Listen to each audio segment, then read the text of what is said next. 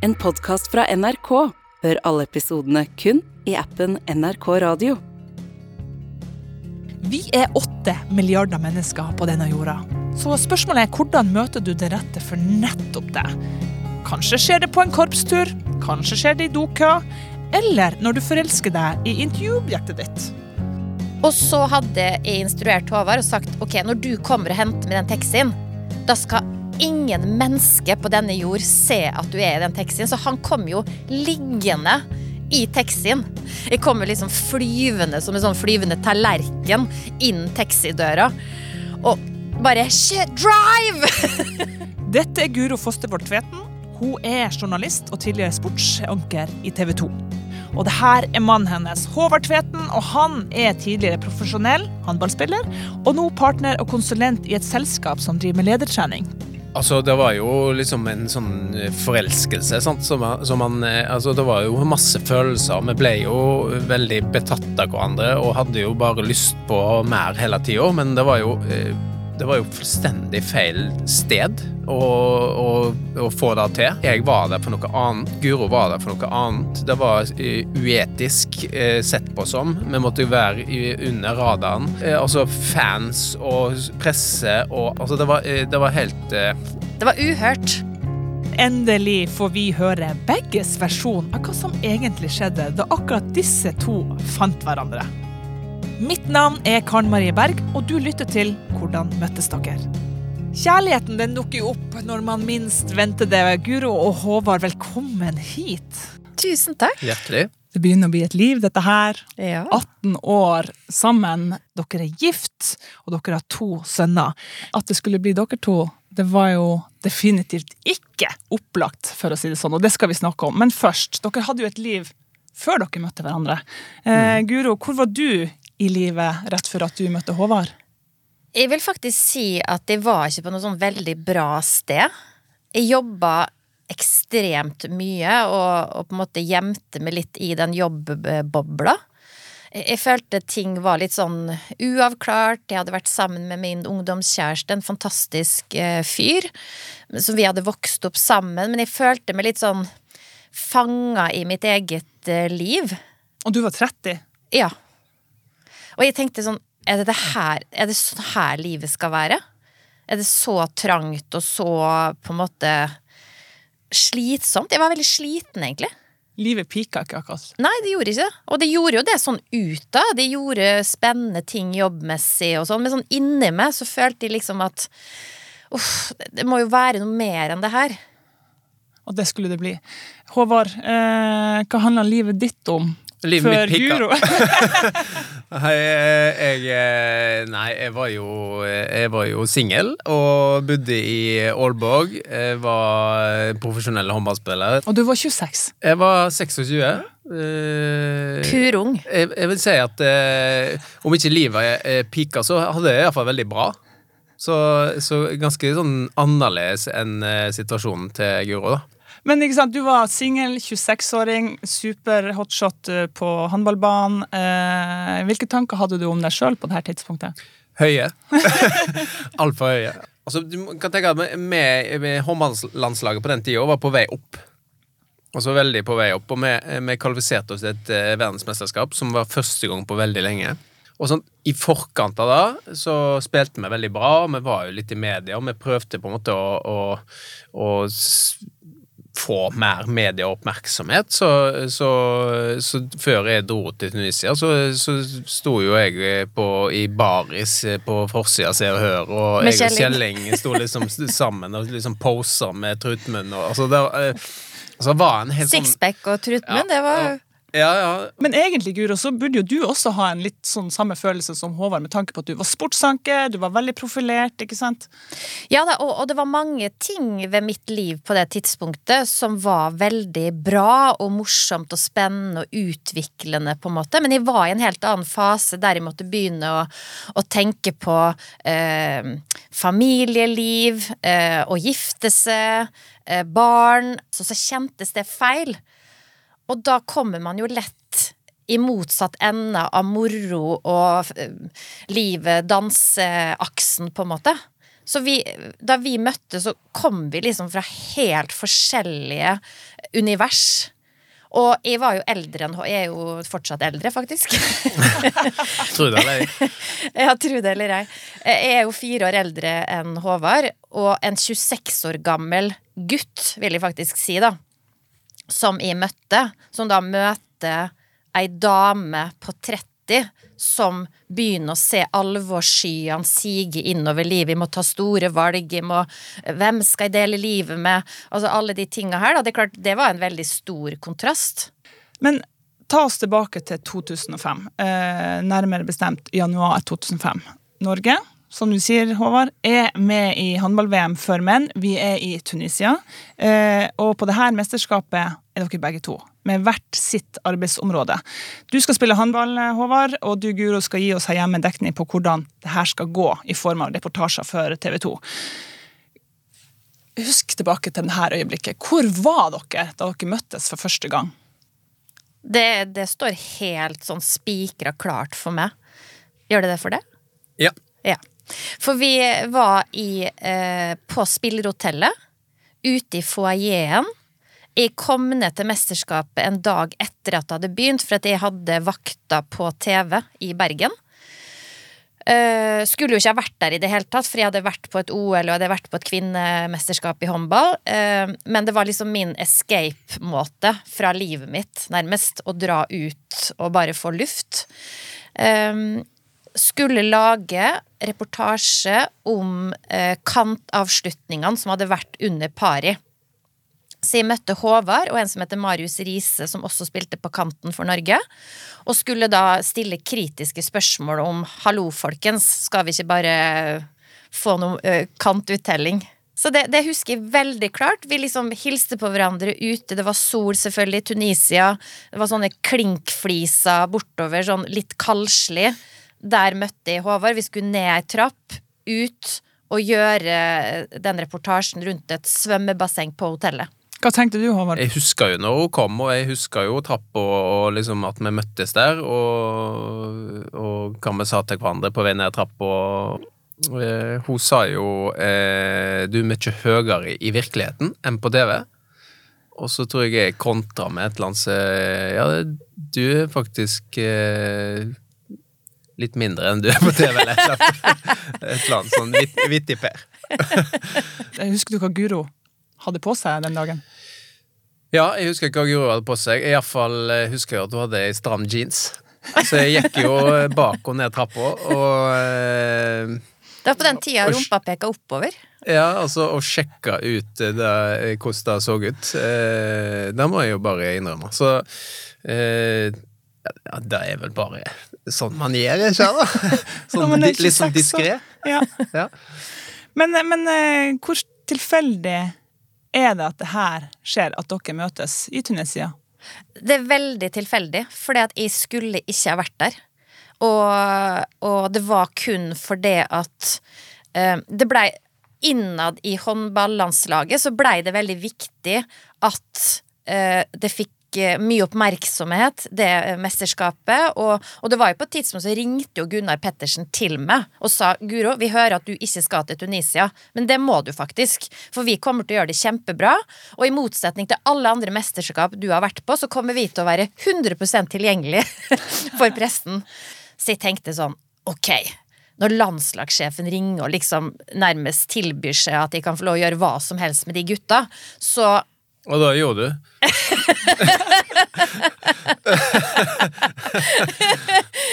spot on. Jeg kommer. Ja. Men du kommer ned til Tunisia, og så møtes dere. Eh, Håvard tenker at du har en veldig fin rumpe. Ja. Eh, hva tenker du om Håvard, da? Jeg tenkte at han var sykt pen. Og at han hadde en eller annen sånn X-faktor som jeg ikke klarte helt å sette ord på i starten, eller jeg, bare Jeg bare likte å være rundt han. Og han, han liksom kom med en helt annen ro enn det jeg sjøl følte fra innsida av meg sjøl. Der det var veldig sånn kaotisk og virvar. og så møter jeg han med den der veldig roen som jeg kjente sånn umiddelbart at jeg ville ha mer av. da. Jeg, jeg skjønte ikke at jeg ville ha mer av det fra han, men jeg, jeg tror bare jeg opplevde det som noe nytt i mitt liv, da. Men hvordan er det, det et, etter denne reportasjen vi laga? Hva som skjer videre da? Det som jeg gjorde, eh, som var et genitrekk, da. Et genialt trekk. Det var jo sånn, litt sånn på slutten av intervjuet der, så var det sånn Men du, eh, hvis, hvis, det er noe du lurer på, eller noe du liksom ikke fikk spurt om, og noe du tenker på, så kan du bare ta telefonnummeret mitt, da, så kan du bare skrive en tekstmelding eller ringe hvis det, hvis det er noe. Og så eh, Og da hadde, jo, sånn, da hadde man etablert den. Men da var det sånn profesjonelt? Men en baktanke, altså, eller? Eh, da var det jo Altså en player fra, som lever livets glade dager i Danmark. Altså han, Han han, hadde vel gjort det der før, for å si det sånn. Ja, eh, ja, det kan godt være, men eh, altså, det, dette er før eh, appa og det som var. Så dette var en, eh, det var jo en Nokia eller Siemens-telefon som, eh, som liksom eh, Som hadde et eh, telefonnummer. Og vi- hadde fått sånne tunisiske telefonkort. Så det var sånn der eh, tolvsifra telefonnummer nede der. Så eh, men jeg hadde jo mitt danske, da, så jeg sørga for å gi det også. Så i ja. tilfelle hun hadde det. Ja, det var en lang liste med telefonnummer i tilfelle man bomma første gang. Du treffer meg her, Ja. her og her. Men jeg tenkte jo mer sånn Ja, men det skal jeg si, liksom, Gunnar Pettersen, landslagssjef. Du har virkelig instruert gutta dine godt, liksom. De er på tilbudssida. Det var egentlig det jeg tenkte, at ja. Det er sånn her det ser ut i det praktiske liv. Man får masse telefonnummer, man kan spørre om hva som helst når som helst. Ja. Men når er det da det her eh, går over fra å være reporter, håndballspiller Hun hadde vel ikke spurt meg, stilt alle spørsmålene hun skulle, da? Nei, det som skjedde, det var faktisk det. At etter noen sånne kampdager, så kommer det alltid en spillefri dag. Jeg hadde levert det jeg skulle til TV 2. Jeg lå liksom på et iskaldt For jeg tenkte jo at det var kjempevarmt i Tunisia, det er jo Afrika. Det var jo kjempekaldt. Så jeg lå under tre dyner på hotellrommet mitt og var stivfrossen. Og så begynte jeg liksom å Du vet, tankene begynner å vandre litt, og jeg begynte liksom å det sank litt ned i meg at jeg nesten syntes det var litt dumt at det var spillefri dag, og at det var pressefri dag, da. Så jeg var litt sånn Ok, er bare nå jeg skal liksom sende av gårde en tekstmelding da, på en av de der 18 numrene jeg hadde fått. Eh, på liksom ok, hva skjer borte i landslagsgjengen i dag, liksom? Hva skal dere for noen ting, og, og sånn. Og liksom, det tok jo et halvt sekund før Håvard var på telefonen. hei, hei!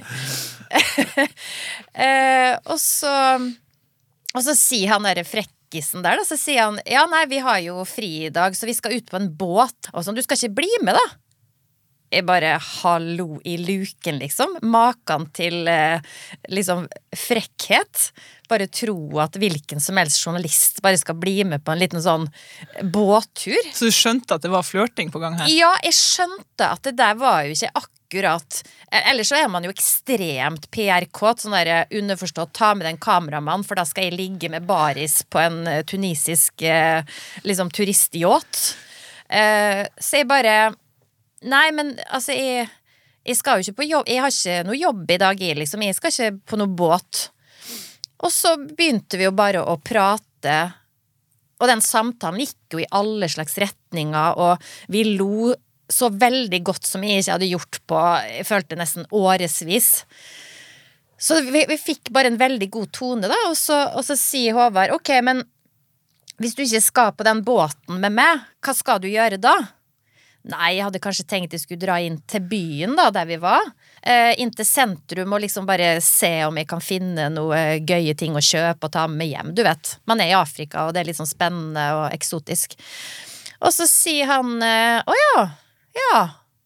Nei, for vi må jo ha noe mat i løpet av dagen og litt sånn, da. Og da skjønte Da, i det sekundet, så skjønte jeg nå er jeg fucked. Det her er liksom Nå ble du lurt. Nei, ja, men jeg tenkte ikke bare at jeg ble lurt. Jeg tenkte at det her vil jeg altfor mye, på en måte. Langt utover min journalistiske integritet. Altså, alt bare var skikkelig kaos da i hodet mitt. Shit, hva gjør jeg nå, liksom? Hva er viktigst i livet? Er det, er det kjærlighet, eller er det jobb? Altså, jeg satt- Allerede der, på, etter den? ja, ja, ja. Eh, og så avtalte vi at Håvard skulle komme og hente meg i en taxi, og jeg måtte jo lure hele TV 2-crewet. Fordi at eh, på en sånn type fridag så skal man jo gjerne liksom som team ut og spise, eller kjøpe seg en is, eller så jeg var så veldig tydelig på at jeg var så ekstremt sliten etter de første kampdagene nede i Tunisia. Det var ikke måte på hvordan, hvor hardt det hadde gått innpå med å intervjue de her spillerne. Liksom. Nei, jeg tror bare jeg må ta en, en skikkelig sånn uh, hviledag på Jeg føler meg ikke helt i slag, liksom. Så jeg tok noen hvite løgner.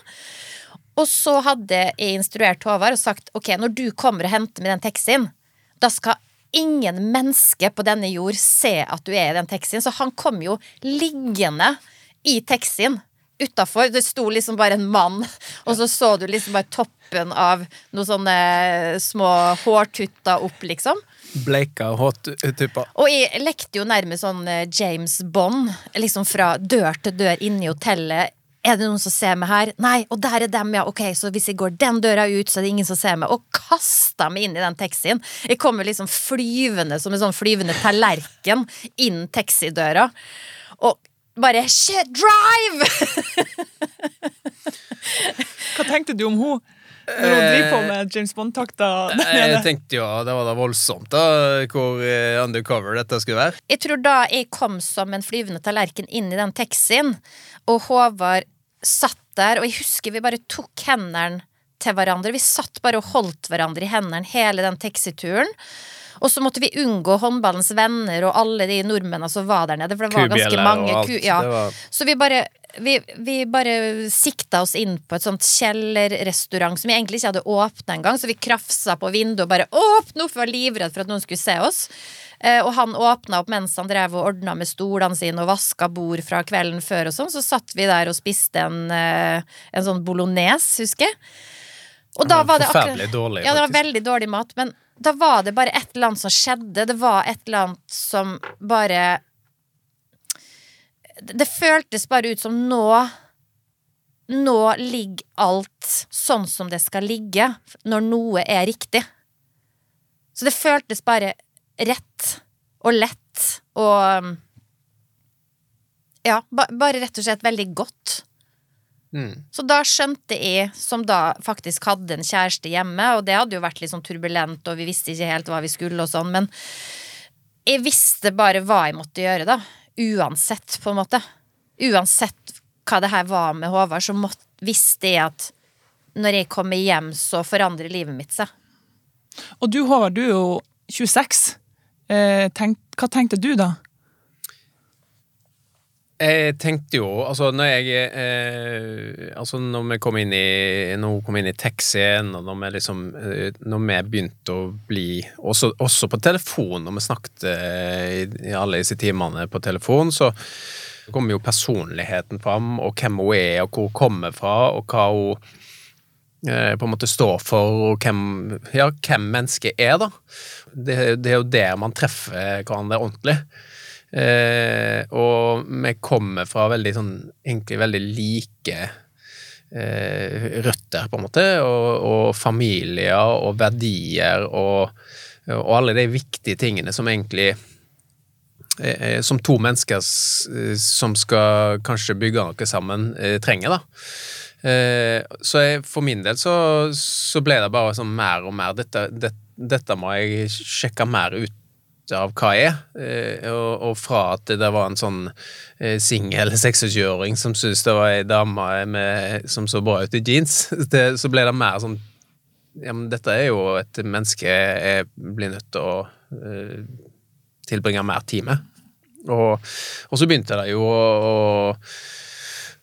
man begynner jo å få litt sånn sug i magen og når man møtes og man eh, ringes og man har lyst til å være sammen hele tida. Og, og, og det var jo eh, mildt sagt problematisk da, i, eh, under mesterskapet der. Fordi at jeg skulle jo spille kamp, jeg skulle jo være på spillermøte, jeg skulle jo være fokusert på de tingene, og så, og så holdt dette på på sida, på en måte.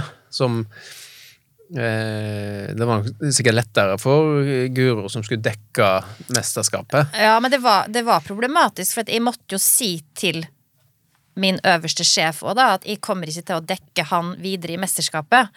Eh, For det kan man jo på mange måter styre litt sjøl, for man melder jo inn hva man har lyst til å lage saker på. Så det gikk jo kanskje litt utover det at de, at de bare boikotta det litt sånn i det stille, da. Eh, For jeg skjønte jo at en viss sånn presseetisk eh, tanke må jeg ha i det her, da. At jeg kan ikke drive på sånn som jeg gjør, og så skal jeg samtidig drive og intervjue han, på en måte.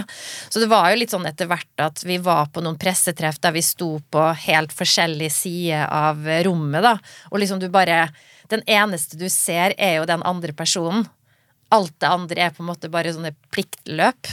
Eh, og der vi av og til måtte dra fra hverandre uten å ha snakka sammen òg. Der du bare kjenner sånn Åh, Men hva følte dere inni dere da, når dere eh, sto her og det her var en spire som var Det var jo spennende, da. Altså, det var jo, det var jo liksom det, det bygde seg jo opp en sånn type spenning, og når vi begynte å først skrive tekstmeldinger, og så etter hvert liksom ble lei av å taste, for det, vi snakker jo sånn det er ikke tastatur på den Det er måten. Sånn, veldig det, er analogt. det er jo sånn at du skal for å ta For å skrive Få en C som du trykker Du må trykke tre ganger på toeren. Og så, og så skal du Så det ble Det tok jo evigheter. Så, man, så det ble jo til at vi ringte istedenfor.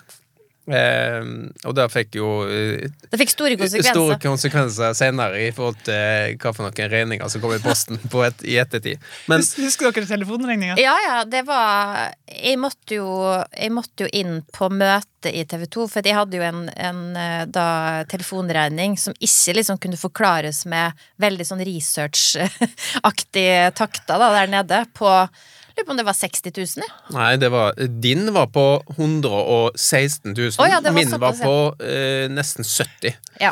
Så så Ja, for vi altså, snakka jo fem altså, timer hadde- på telefonen, sant? Jeg hadde jo dansk telefon i eh, Tunisia. Guro hadde norsk telefon i Tunisia. Så, eh, så for det der kontantkortet som jeg hadde fra Tunisia, fått av eh, Det varte jo i eh, to sekunder.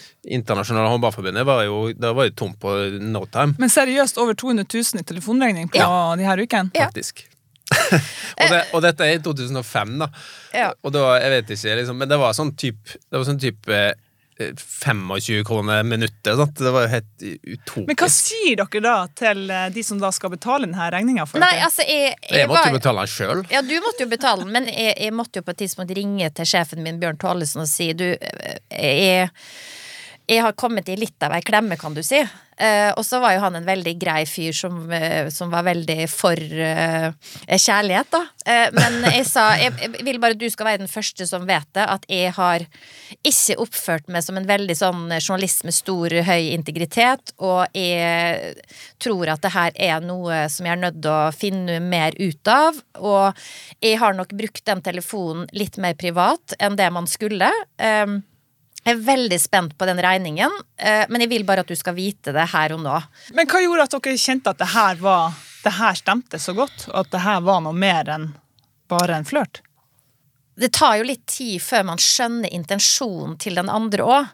Er det her bare en flørt? Er det her bare fordi at det er litt sånn ledig tid i Tunisia mens vi er Han var sammen med bare menn eh, på et mesterskap, liksom. Er det her bare fordi at jeg tilfeldigvis er her, og han syns at den jakten på en måte er litt spennende, da? Så, så det tok jo litt tid òg for å forstå litt Er vi egentlig på samme bølgelengde rundt de ting? Leiter vi etter det samme? Ser vi det samme i det her? Men gjorde dere det egentlig det? Jeg tror kanskje ikke helt i starten uh, at vi gjorde det. For jeg tror uh, Håvard han kom jo fra et liv, et singelliv, der han på en måte kunne ja, ha det veldig gøy, da. Eh, nede i Aalborg der. Jeg var litt sånn superhelt der nede. Eh, og, og jeg lette virkelig etter mitt anker, da. Jeg lette etter den som jeg skulle gå inn i den nye, litt mer alvorlige fasen med han som skulle bli pappa til mine barn. Jeg var mye mer der, og det var jo litt sånn utfordrende for oss i starten, for Håvard sa jo egentlig bare ja til jeg vil møte det, jeg vil se hva det her kan bli, jeg vil bli bedre kjent med det. Mens jeg var sånn Fra første sekund så bare visste jeg at han var mannen i mitt liv. Hvordan er det å høre det, Håvard? Eh, jo, nå går det fint. Eh, da var det jo litt eh, altså, Det var jo litt skremmende eh, for min del eh, akkurat da, for at jeg var, som Guro sier, på et annet eh, sted i livet. Eh, og, og hadde det egentlig. Jeg, jeg, var ikke, jeg var ikke på jakt etter barn og sånt eh, hun jeg skulle gifte meg med. Men, Det er jo ingen gutter på 26 år som er det. Nei, sjeldent eh, iallfall. Men, eh, men, men sant, allikevel, da, så, eh, så når man treffer det der, eh, så, så har man veldig lite kontroll på rasjonalismen, da, i, eh, i, i liksom Man kan ikke analytisk gå inn og si at dette, dette må du ikke gjøre, Håvard, for da. Så, det, så man følger jo bare magefølelsen. og og altså, jo mer kjent man blir, jo lettere blir det å se for seg da at det faktisk er en mulighet. Og altså Jeg hadde ikke noen plan om å være singel lenger eller få meg kjæreste eller noe som helst, jeg. Men, eh, men da dumpa nå inn ei dame der som, eh, som var eh, helt nydelig, og jo mer jeg snakka med henne, jo mer hadde jeg lyst til å være sammen med henne. Men Guro, hva følte du i Tunisia da du var der? Jeg følte at jeg hadde kommet hjem i Afrika. Jeg, jeg, jeg møtte en som eh, jeg opplevde så deler av meg som hadde ligget veldig brakk. Jeg, jeg følte at jeg plutselig liksom formerte meg som person, da. At jeg, at jeg blei Det var noen som kikka rett inn i på en måte sjela mi uten at det var liksom noe stress eller noe sånn at jeg måtte Følte at jeg måtte liksom ta kontroll på en eller annen måte, som jeg egentlig har følt mange ganger i livet. da, At jeg må liksom være så kontrollert og må gjøre allting riktig. Som veldig mange jenter føler. At vi må gjøre ting så rett. Så, så jeg følte at, eh, at eh, Håvard så med, og han, og han så også de sidene som jeg var veldig skamfull over, eller syntes var veldig liksom, lite flatterende, eller, og han satte pris på det på en eller annen måte. Han, han fremheva det og el, liksom fremelska det, da. Så jeg, jeg følte meg bare sånn ekstremt sett og, og, og veldig, veldig heldig. Akkurat som jeg hadde ligget inni en sånn gruve, og så var det plutselig noen som satte liksom sånn spotlight og så hele meg, da. Så jeg, jeg, jeg følte bare at det her er helt, helt, helt spesielt. Og jeg hadde gått lenge og trodd at ja, men kjærligheten skal ikke være så voldsom og så blomstrende og så Det er bare jeg som er altfor romantisk. Det er jeg som tenker at det skal være annerledes enn det jeg har opplevd til nå. Så da jeg møtte Håvard, så Det var liksom Ja, men det skulle jo være mer. Det var jo mer. Så, så for meg var det veldig sånn en følelse av å, av å bare Ja, komme hjem og, og finne en nål i en høystakk. Sånn føltes det. Så jeg følte meg altså så ekstremt heldig. Altså, det var jo liksom en sånn forelskelse, sant, som, som man eh, Altså, det var jo masse følelser. Vi ble jo veldig betatt av hverandre og hadde jo bare lyst på mer hele tida, men det var jo eh, Det var jo fullstendig feil sted å, å, å få det til. Så- Fordi Ja, fordi eh, det, var Det var ikke tid, blant annet. Ja, det var liten tid. Det var, jeg var der for noe annet. Guro var der for noe annet. Det var eh, uetisk eh, sett på som. Vi måtte jo være under radaren. Det var Vi hadde jo både- konstant dårlig det var eh, altså fans og presse og Altså, det var, eh, det var helt eh, Det var uhørt. På det tidspunktet der så var det eh, iallfall sett på som veldig uprofesjonelt, da, av en journalist. Og, liksom innlede noe som helst relasjon til intervjuobjekt. Altså man skulle være veldig Det var sånn, iallfall Kan du si litt mer om, men, men Skillelinjene det var skille- veldig klare. Ja, det, og de skillelinjene har jo i senere tid blitt altså, enda mer sånn blurry. Altså nå er det mye altså, Det er flere journalister nå som er sammen med utøvere enn en, Ja, på det tidspunktet der. ja, ja, ja. Så dette var jo litt sånn veldig nytt og litt sånn Folk syns det Hæ, det, kan ikke Jeg skapte en litt dårlig trend, rett og slett. Anne Rimmen, Ailo Gaup eh, ja. Ja, ja. Emil Emil- Hegle Svendsen og alle har jo liksom gått i bar etterpå. Jeg var jo litt mer stressa og hadde litt mer å forsvare på en måte enn det Håvard hadde, da, så jeg, jeg var jo hysterisk. Eh, og det syns jo Håvard var, gjorde det jo bare enda gøyere at jeg var så hysterisk. Så Det er riktig. Men hvordan gikk det her mesterskapet for din del, Håvard? Nei, det gikk ikke sånn superbra for min del. Altså, jeg spilte, jeg spilte noen ok kamper, men, eh, men eh, det var ikke mitt beste mesterskap eh, i det hele tatt. Det er ikke et råd du vil gi til andre Eh, spillere? Nei. Forelskede under et VM? Nei, ikke i det hele tatt. Så jeg vant på andre arenaer i dag. Det er det du gjorde. Et håndball-VM det varer jo ikke evig. Det varer i tre uker. Mm. Denne bobla her varer i tre uker. Og så reiser dere hjem, eller hvert til dere, da.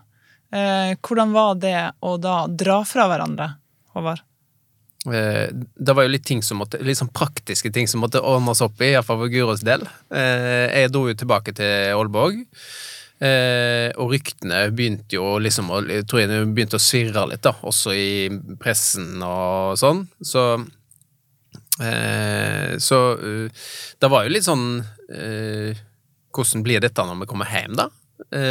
Men samtidig så, så var iallfall jeg veldig sånn trygg på at jeg var ikke bekymra for det, for eh, vi hadde blitt egentlig så utrolig godt kjent på de eh, de ukene vi hadde kjent hverandre. da. Så, så det var egentlig bare en sånn eh, lengt etter eh, Kan ikke du bare komme ned asap, Zulu? Men det var jo veldig En av de tinga som jeg tror trigga meg også veldig med Håvard, det var jo at han var veldig Selv om vi på en måte hadde gått litt over noen grenser der nede i forhold til at vi faktisk snakka så mye som vi gjorde sammen, og at jeg var i et annet forhold, så, så var han jo klokkerklar på at du trenger ikke engang å tenke på å komme ned til meg i Danmark før du har rydda opp i dine ting. Så det var, det var jo veldig egentlig clean. Sånn at når jeg kom hjem, det ble slutt umiddelbart, så opplevde jeg også han som med veldig høy integritet, faktisk. Sånn i forhold til de tinga. Han jo, hadde jo ingenting å svare for, så han kunne jo sånn sett bare sagt 'bare kom ned, så finner vi ut av det'. Um, og så var det litt opp til meg hvor moralsk jeg skulle være, på en måte. Men, men, men der var han bare helt nådeløs. Det var ikke sjans i havet, liksom. Så, og ikke fordi at jeg ville det heller, men jeg bare likte veldig godt at han var så streng på de tinga der. Eh, for det sa jo noe om han. Og da var, liksom, da var det en blanke ark, det var et Ja. nytt kapittel Ja, på den uka der. Mm. Du hadde rydda opp og gjort ja, ja, ja alt. det, var på, det var på time én, det. Det Så det, det var ikke noe slinger i valsen der. Det var brutale eh, ting som ble gjort på Ja. Men eh, som måtte gjøres, da, og som egentlig måtte gjøres uavhengig av Håvard, sånn sett. Men, men det Det sørga jo for at det skjedde før. Mm. Um, så ja, nei, det Jeg har vel ikke vært mer ryddig i hele mitt liv, tror jeg, akkurat den uka der. Det var, du, du var god til å ta valg, da. Ja, da, eh, plutselig så var jeg så veldig god til å ta valg. Så, så ehm, Ja, vi, vi rydda, eller jeg rydda opp, og så kom vi ned. Mm. Og etter det så har jeg aldri dratt igjen.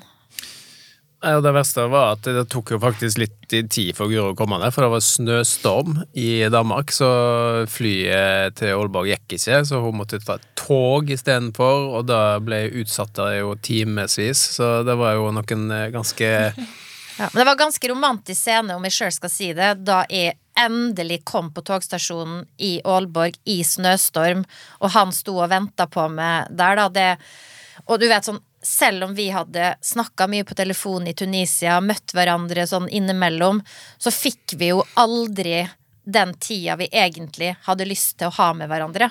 Det blei alltid avbrutt av noe som skulle skje som vi faktisk var der for, da.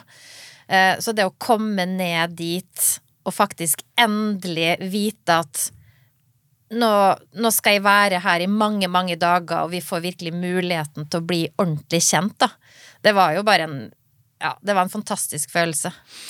Det høres ut som en eh, sånn eh, saktefilm. i en Ja, sånn, og det eh, var faktisk det.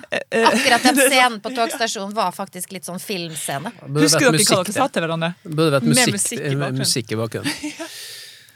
Nei, da husker jeg faktisk ikke, men uh, det var uh, Det var en lang klem. La oss komme oss hjem. For nå er det oss. For nå er det oss. Ja, nå, det Ja. Men hvor raskt ble dere kjærester, da? Gikk det et døgn? Men det som skjedde, var jo at eh, plutselig så dukka jo denne her Valentine's Day opp, sant? Den kom jo der i februar. og da eh, Da hadde vi vel booka en, vi hadde en restaurant, ja, en fin restaurant, som vi skulle ut og spise der. Så vi, vi har sånn offisielt satt datoen dagen før Ja, vi syns det var så klisjé at det var Valentine, så vi har liksom Vi har på en måte redigert virkeligheten litt. Men uh, ja. Men det ble jo Så, så, så lakk jo dette litt ut, da, i, eh, i pressen etter hvert. Eh, så, og da var jo Det var jo mye press på den tida der, for, for begge. Altså Guro var jo var jo et veldig kjent fjes og navn i Presse-Norge, og eh, jeg hadde blitt det gjennom, gjennom mesterskap og det vi hadde liksom gjort i forkant, så, så det var jo litt sånn eh, stor nyhet at eh, vi to plutselig gikk sammen i gatene i Aalborg. For hvordan var det? For da, Dere skulle jo da bli kjent med hverandre, og så ble det her kjent for alle rundt. Ja, det, det, var, det var ikke noe problem for min del, eh, men det var veldig krevende for Guro.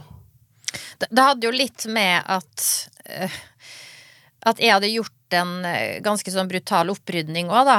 Og at plutselig så kom det, før jeg egentlig rakk å vite helt hva leder det her til, så måtte jeg plutselig det blei veldig definert, da, lenge før vi egentlig hadde fått sjansen til å bli skikkelig godt kjent. Så var det no, noe utenfor oss som hadde bestemt hva vi var.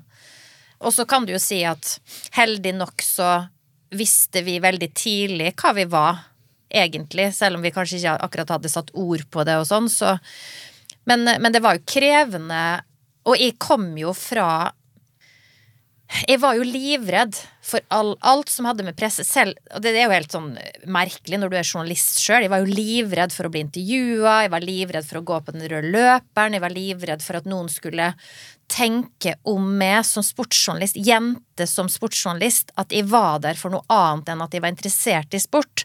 Så jeg følte at det sto så mye på spill, da. Å ja, se hun, nemlig. Hun har jo bare vært der for å slå kloa i den kjekkeste idrettsutøveren eh, så fort som mulig, liksom. Så jeg følte meg veldig sånn skamfull over det, og var veldig redd for hvordan det her blei oppfatta, da. Eh, og også selvfølgelig det at jeg hadde vært på et mesterskap, forelska meg i et intervjuobjekt. Det i seg sjøl var jo veldig fy-fy. Så, så for meg var det Ja, jeg syns det var skikkelig krevende. Og Håvard syns det var veldig gøy.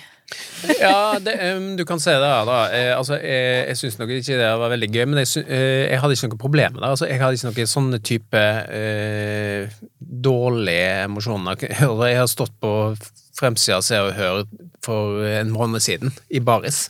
Så, så utgangspunktet vårt var ganske ulikt, da. Men eh, jeg ble jo veldig jeg ble jo veldig løvehann, da, sant? så jeg skulle jo beskytte eh, Guro veldig.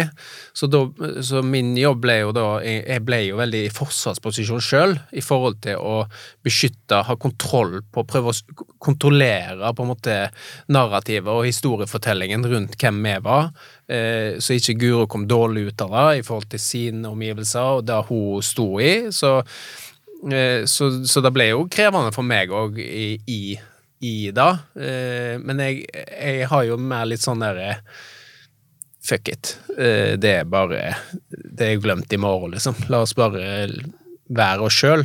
Mens for Ja, men de leser jo Ser og Hører på alle legesentrene i hele verden i de neste ti år. Så, Og jeg syns jo det var ubehagelig bare det at det var paparazzia på gata. Jeg husker så godt vi gikk hånd i hånd, det var fortsatt litt snøstorm.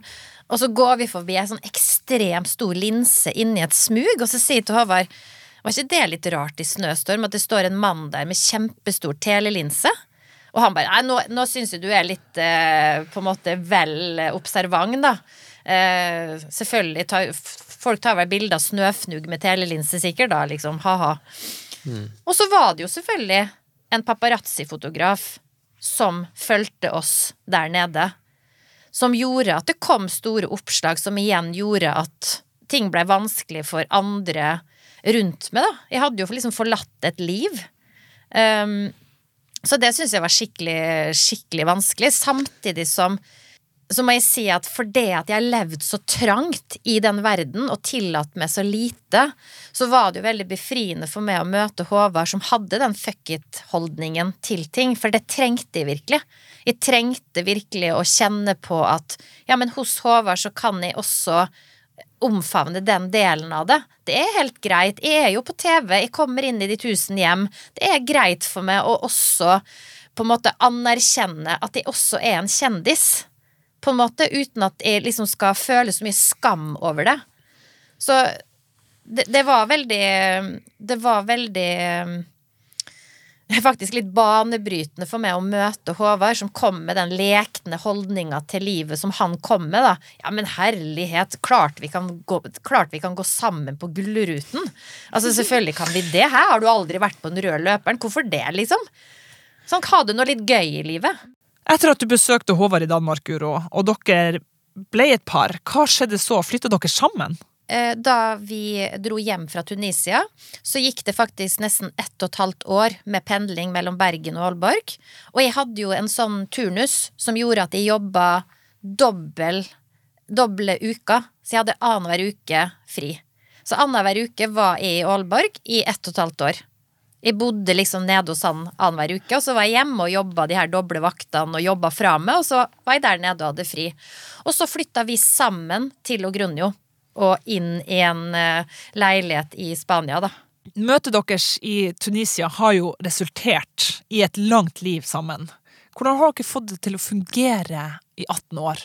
Jeg er takknemlig hver dag for, for at jeg fant Håvard i Afrika. Altså hver eneste dag. Og, og, det betyr ikke at jeg ikke er irritert på han hver dag, og at jeg ikke blir sint på han hver dag, eller at jeg blir som utålmodig hver dag, eller at jeg blir virvelvind hver dag, men jeg føler bare enorm takknemlighet, og jeg føler også at vi to har hatt veldig flaks. En veldig stor dose av det at vi er sammen på det 18. året, det er, det er flaks. Fordi vi to møtte hverandre i en fase der vi to var klare for å utforske det, til at det kunne bli det det har blitt. Og så har vi selvfølgelig Vi har vært modige, for vi har sett hverandre inn i øynene og, og fortalt det som er sant om oss sjøl, og turt å være sårbare og turt å, å gå inn i ting som både er vanskelig, men som har gjort at vi har blitt bedre kjent med oss sjøl og den andre. Og det er en jobb man faktisk Det er det den jobben er, som man snakker om. Det er en jobb hver dag å være sammen med et annet menneske. Det er det den jobben er, i hvert fall les ut av det begrepet, at det er en jobb. Men jeg, jeg føler enorm takknemlighet, og jeg, jeg, jeg, føler meg så heldig som blir elska av Håvard. Vakkert. ja, det er veldig fint. Og, eh, men, jeg, men eh, Og jeg er jo helt enig i det. Man kjenner jo på, på en veldig takknemlighet at man har funnet et eh, menneske. Jeg tror ikke det, det, det, er jo ikke alle som gjør det. Eh, så da at man, man, har funnet Og jeg ser på det eh, Altså, jeg tror jo at hvis man begynner å se på det som en jobb, da, så blir det kanskje Så, så kan det bli litt sånn eh, da blir det litt sånn litt for sånn arbeidskrevende. For meg så er det bare sånn Det kjennes bare veldig sånn naturlig og godt, da. Eh, og at vi dyrker Vi er gode til å dyrke de gode eh, opplevelsene sammen. Eh, enten det er liksom nå når vi har hytta, når vi er sammen med barna vi, altså At vi, vi, søker mot hverandre og finner på ting sammen. Vi søker liksom det der fellesskapet. Eh, og det gjør at vi, vi kommer nærmere og så av og til så blir man veldig bare sånn varm i kroppen når mm. man eh, ser på den andre. Sånn som nå. Herregud, det her har vært altså så koselig. Jeg er veldig glad for at jeg spurte dere hvordan dere møttes. takk skal dere ha for at dere kom hit. Tusen hjertelig takk for at dere hadde lyst til å Eller du og alle dem som hører på, hadde lyst til å høre vår historie.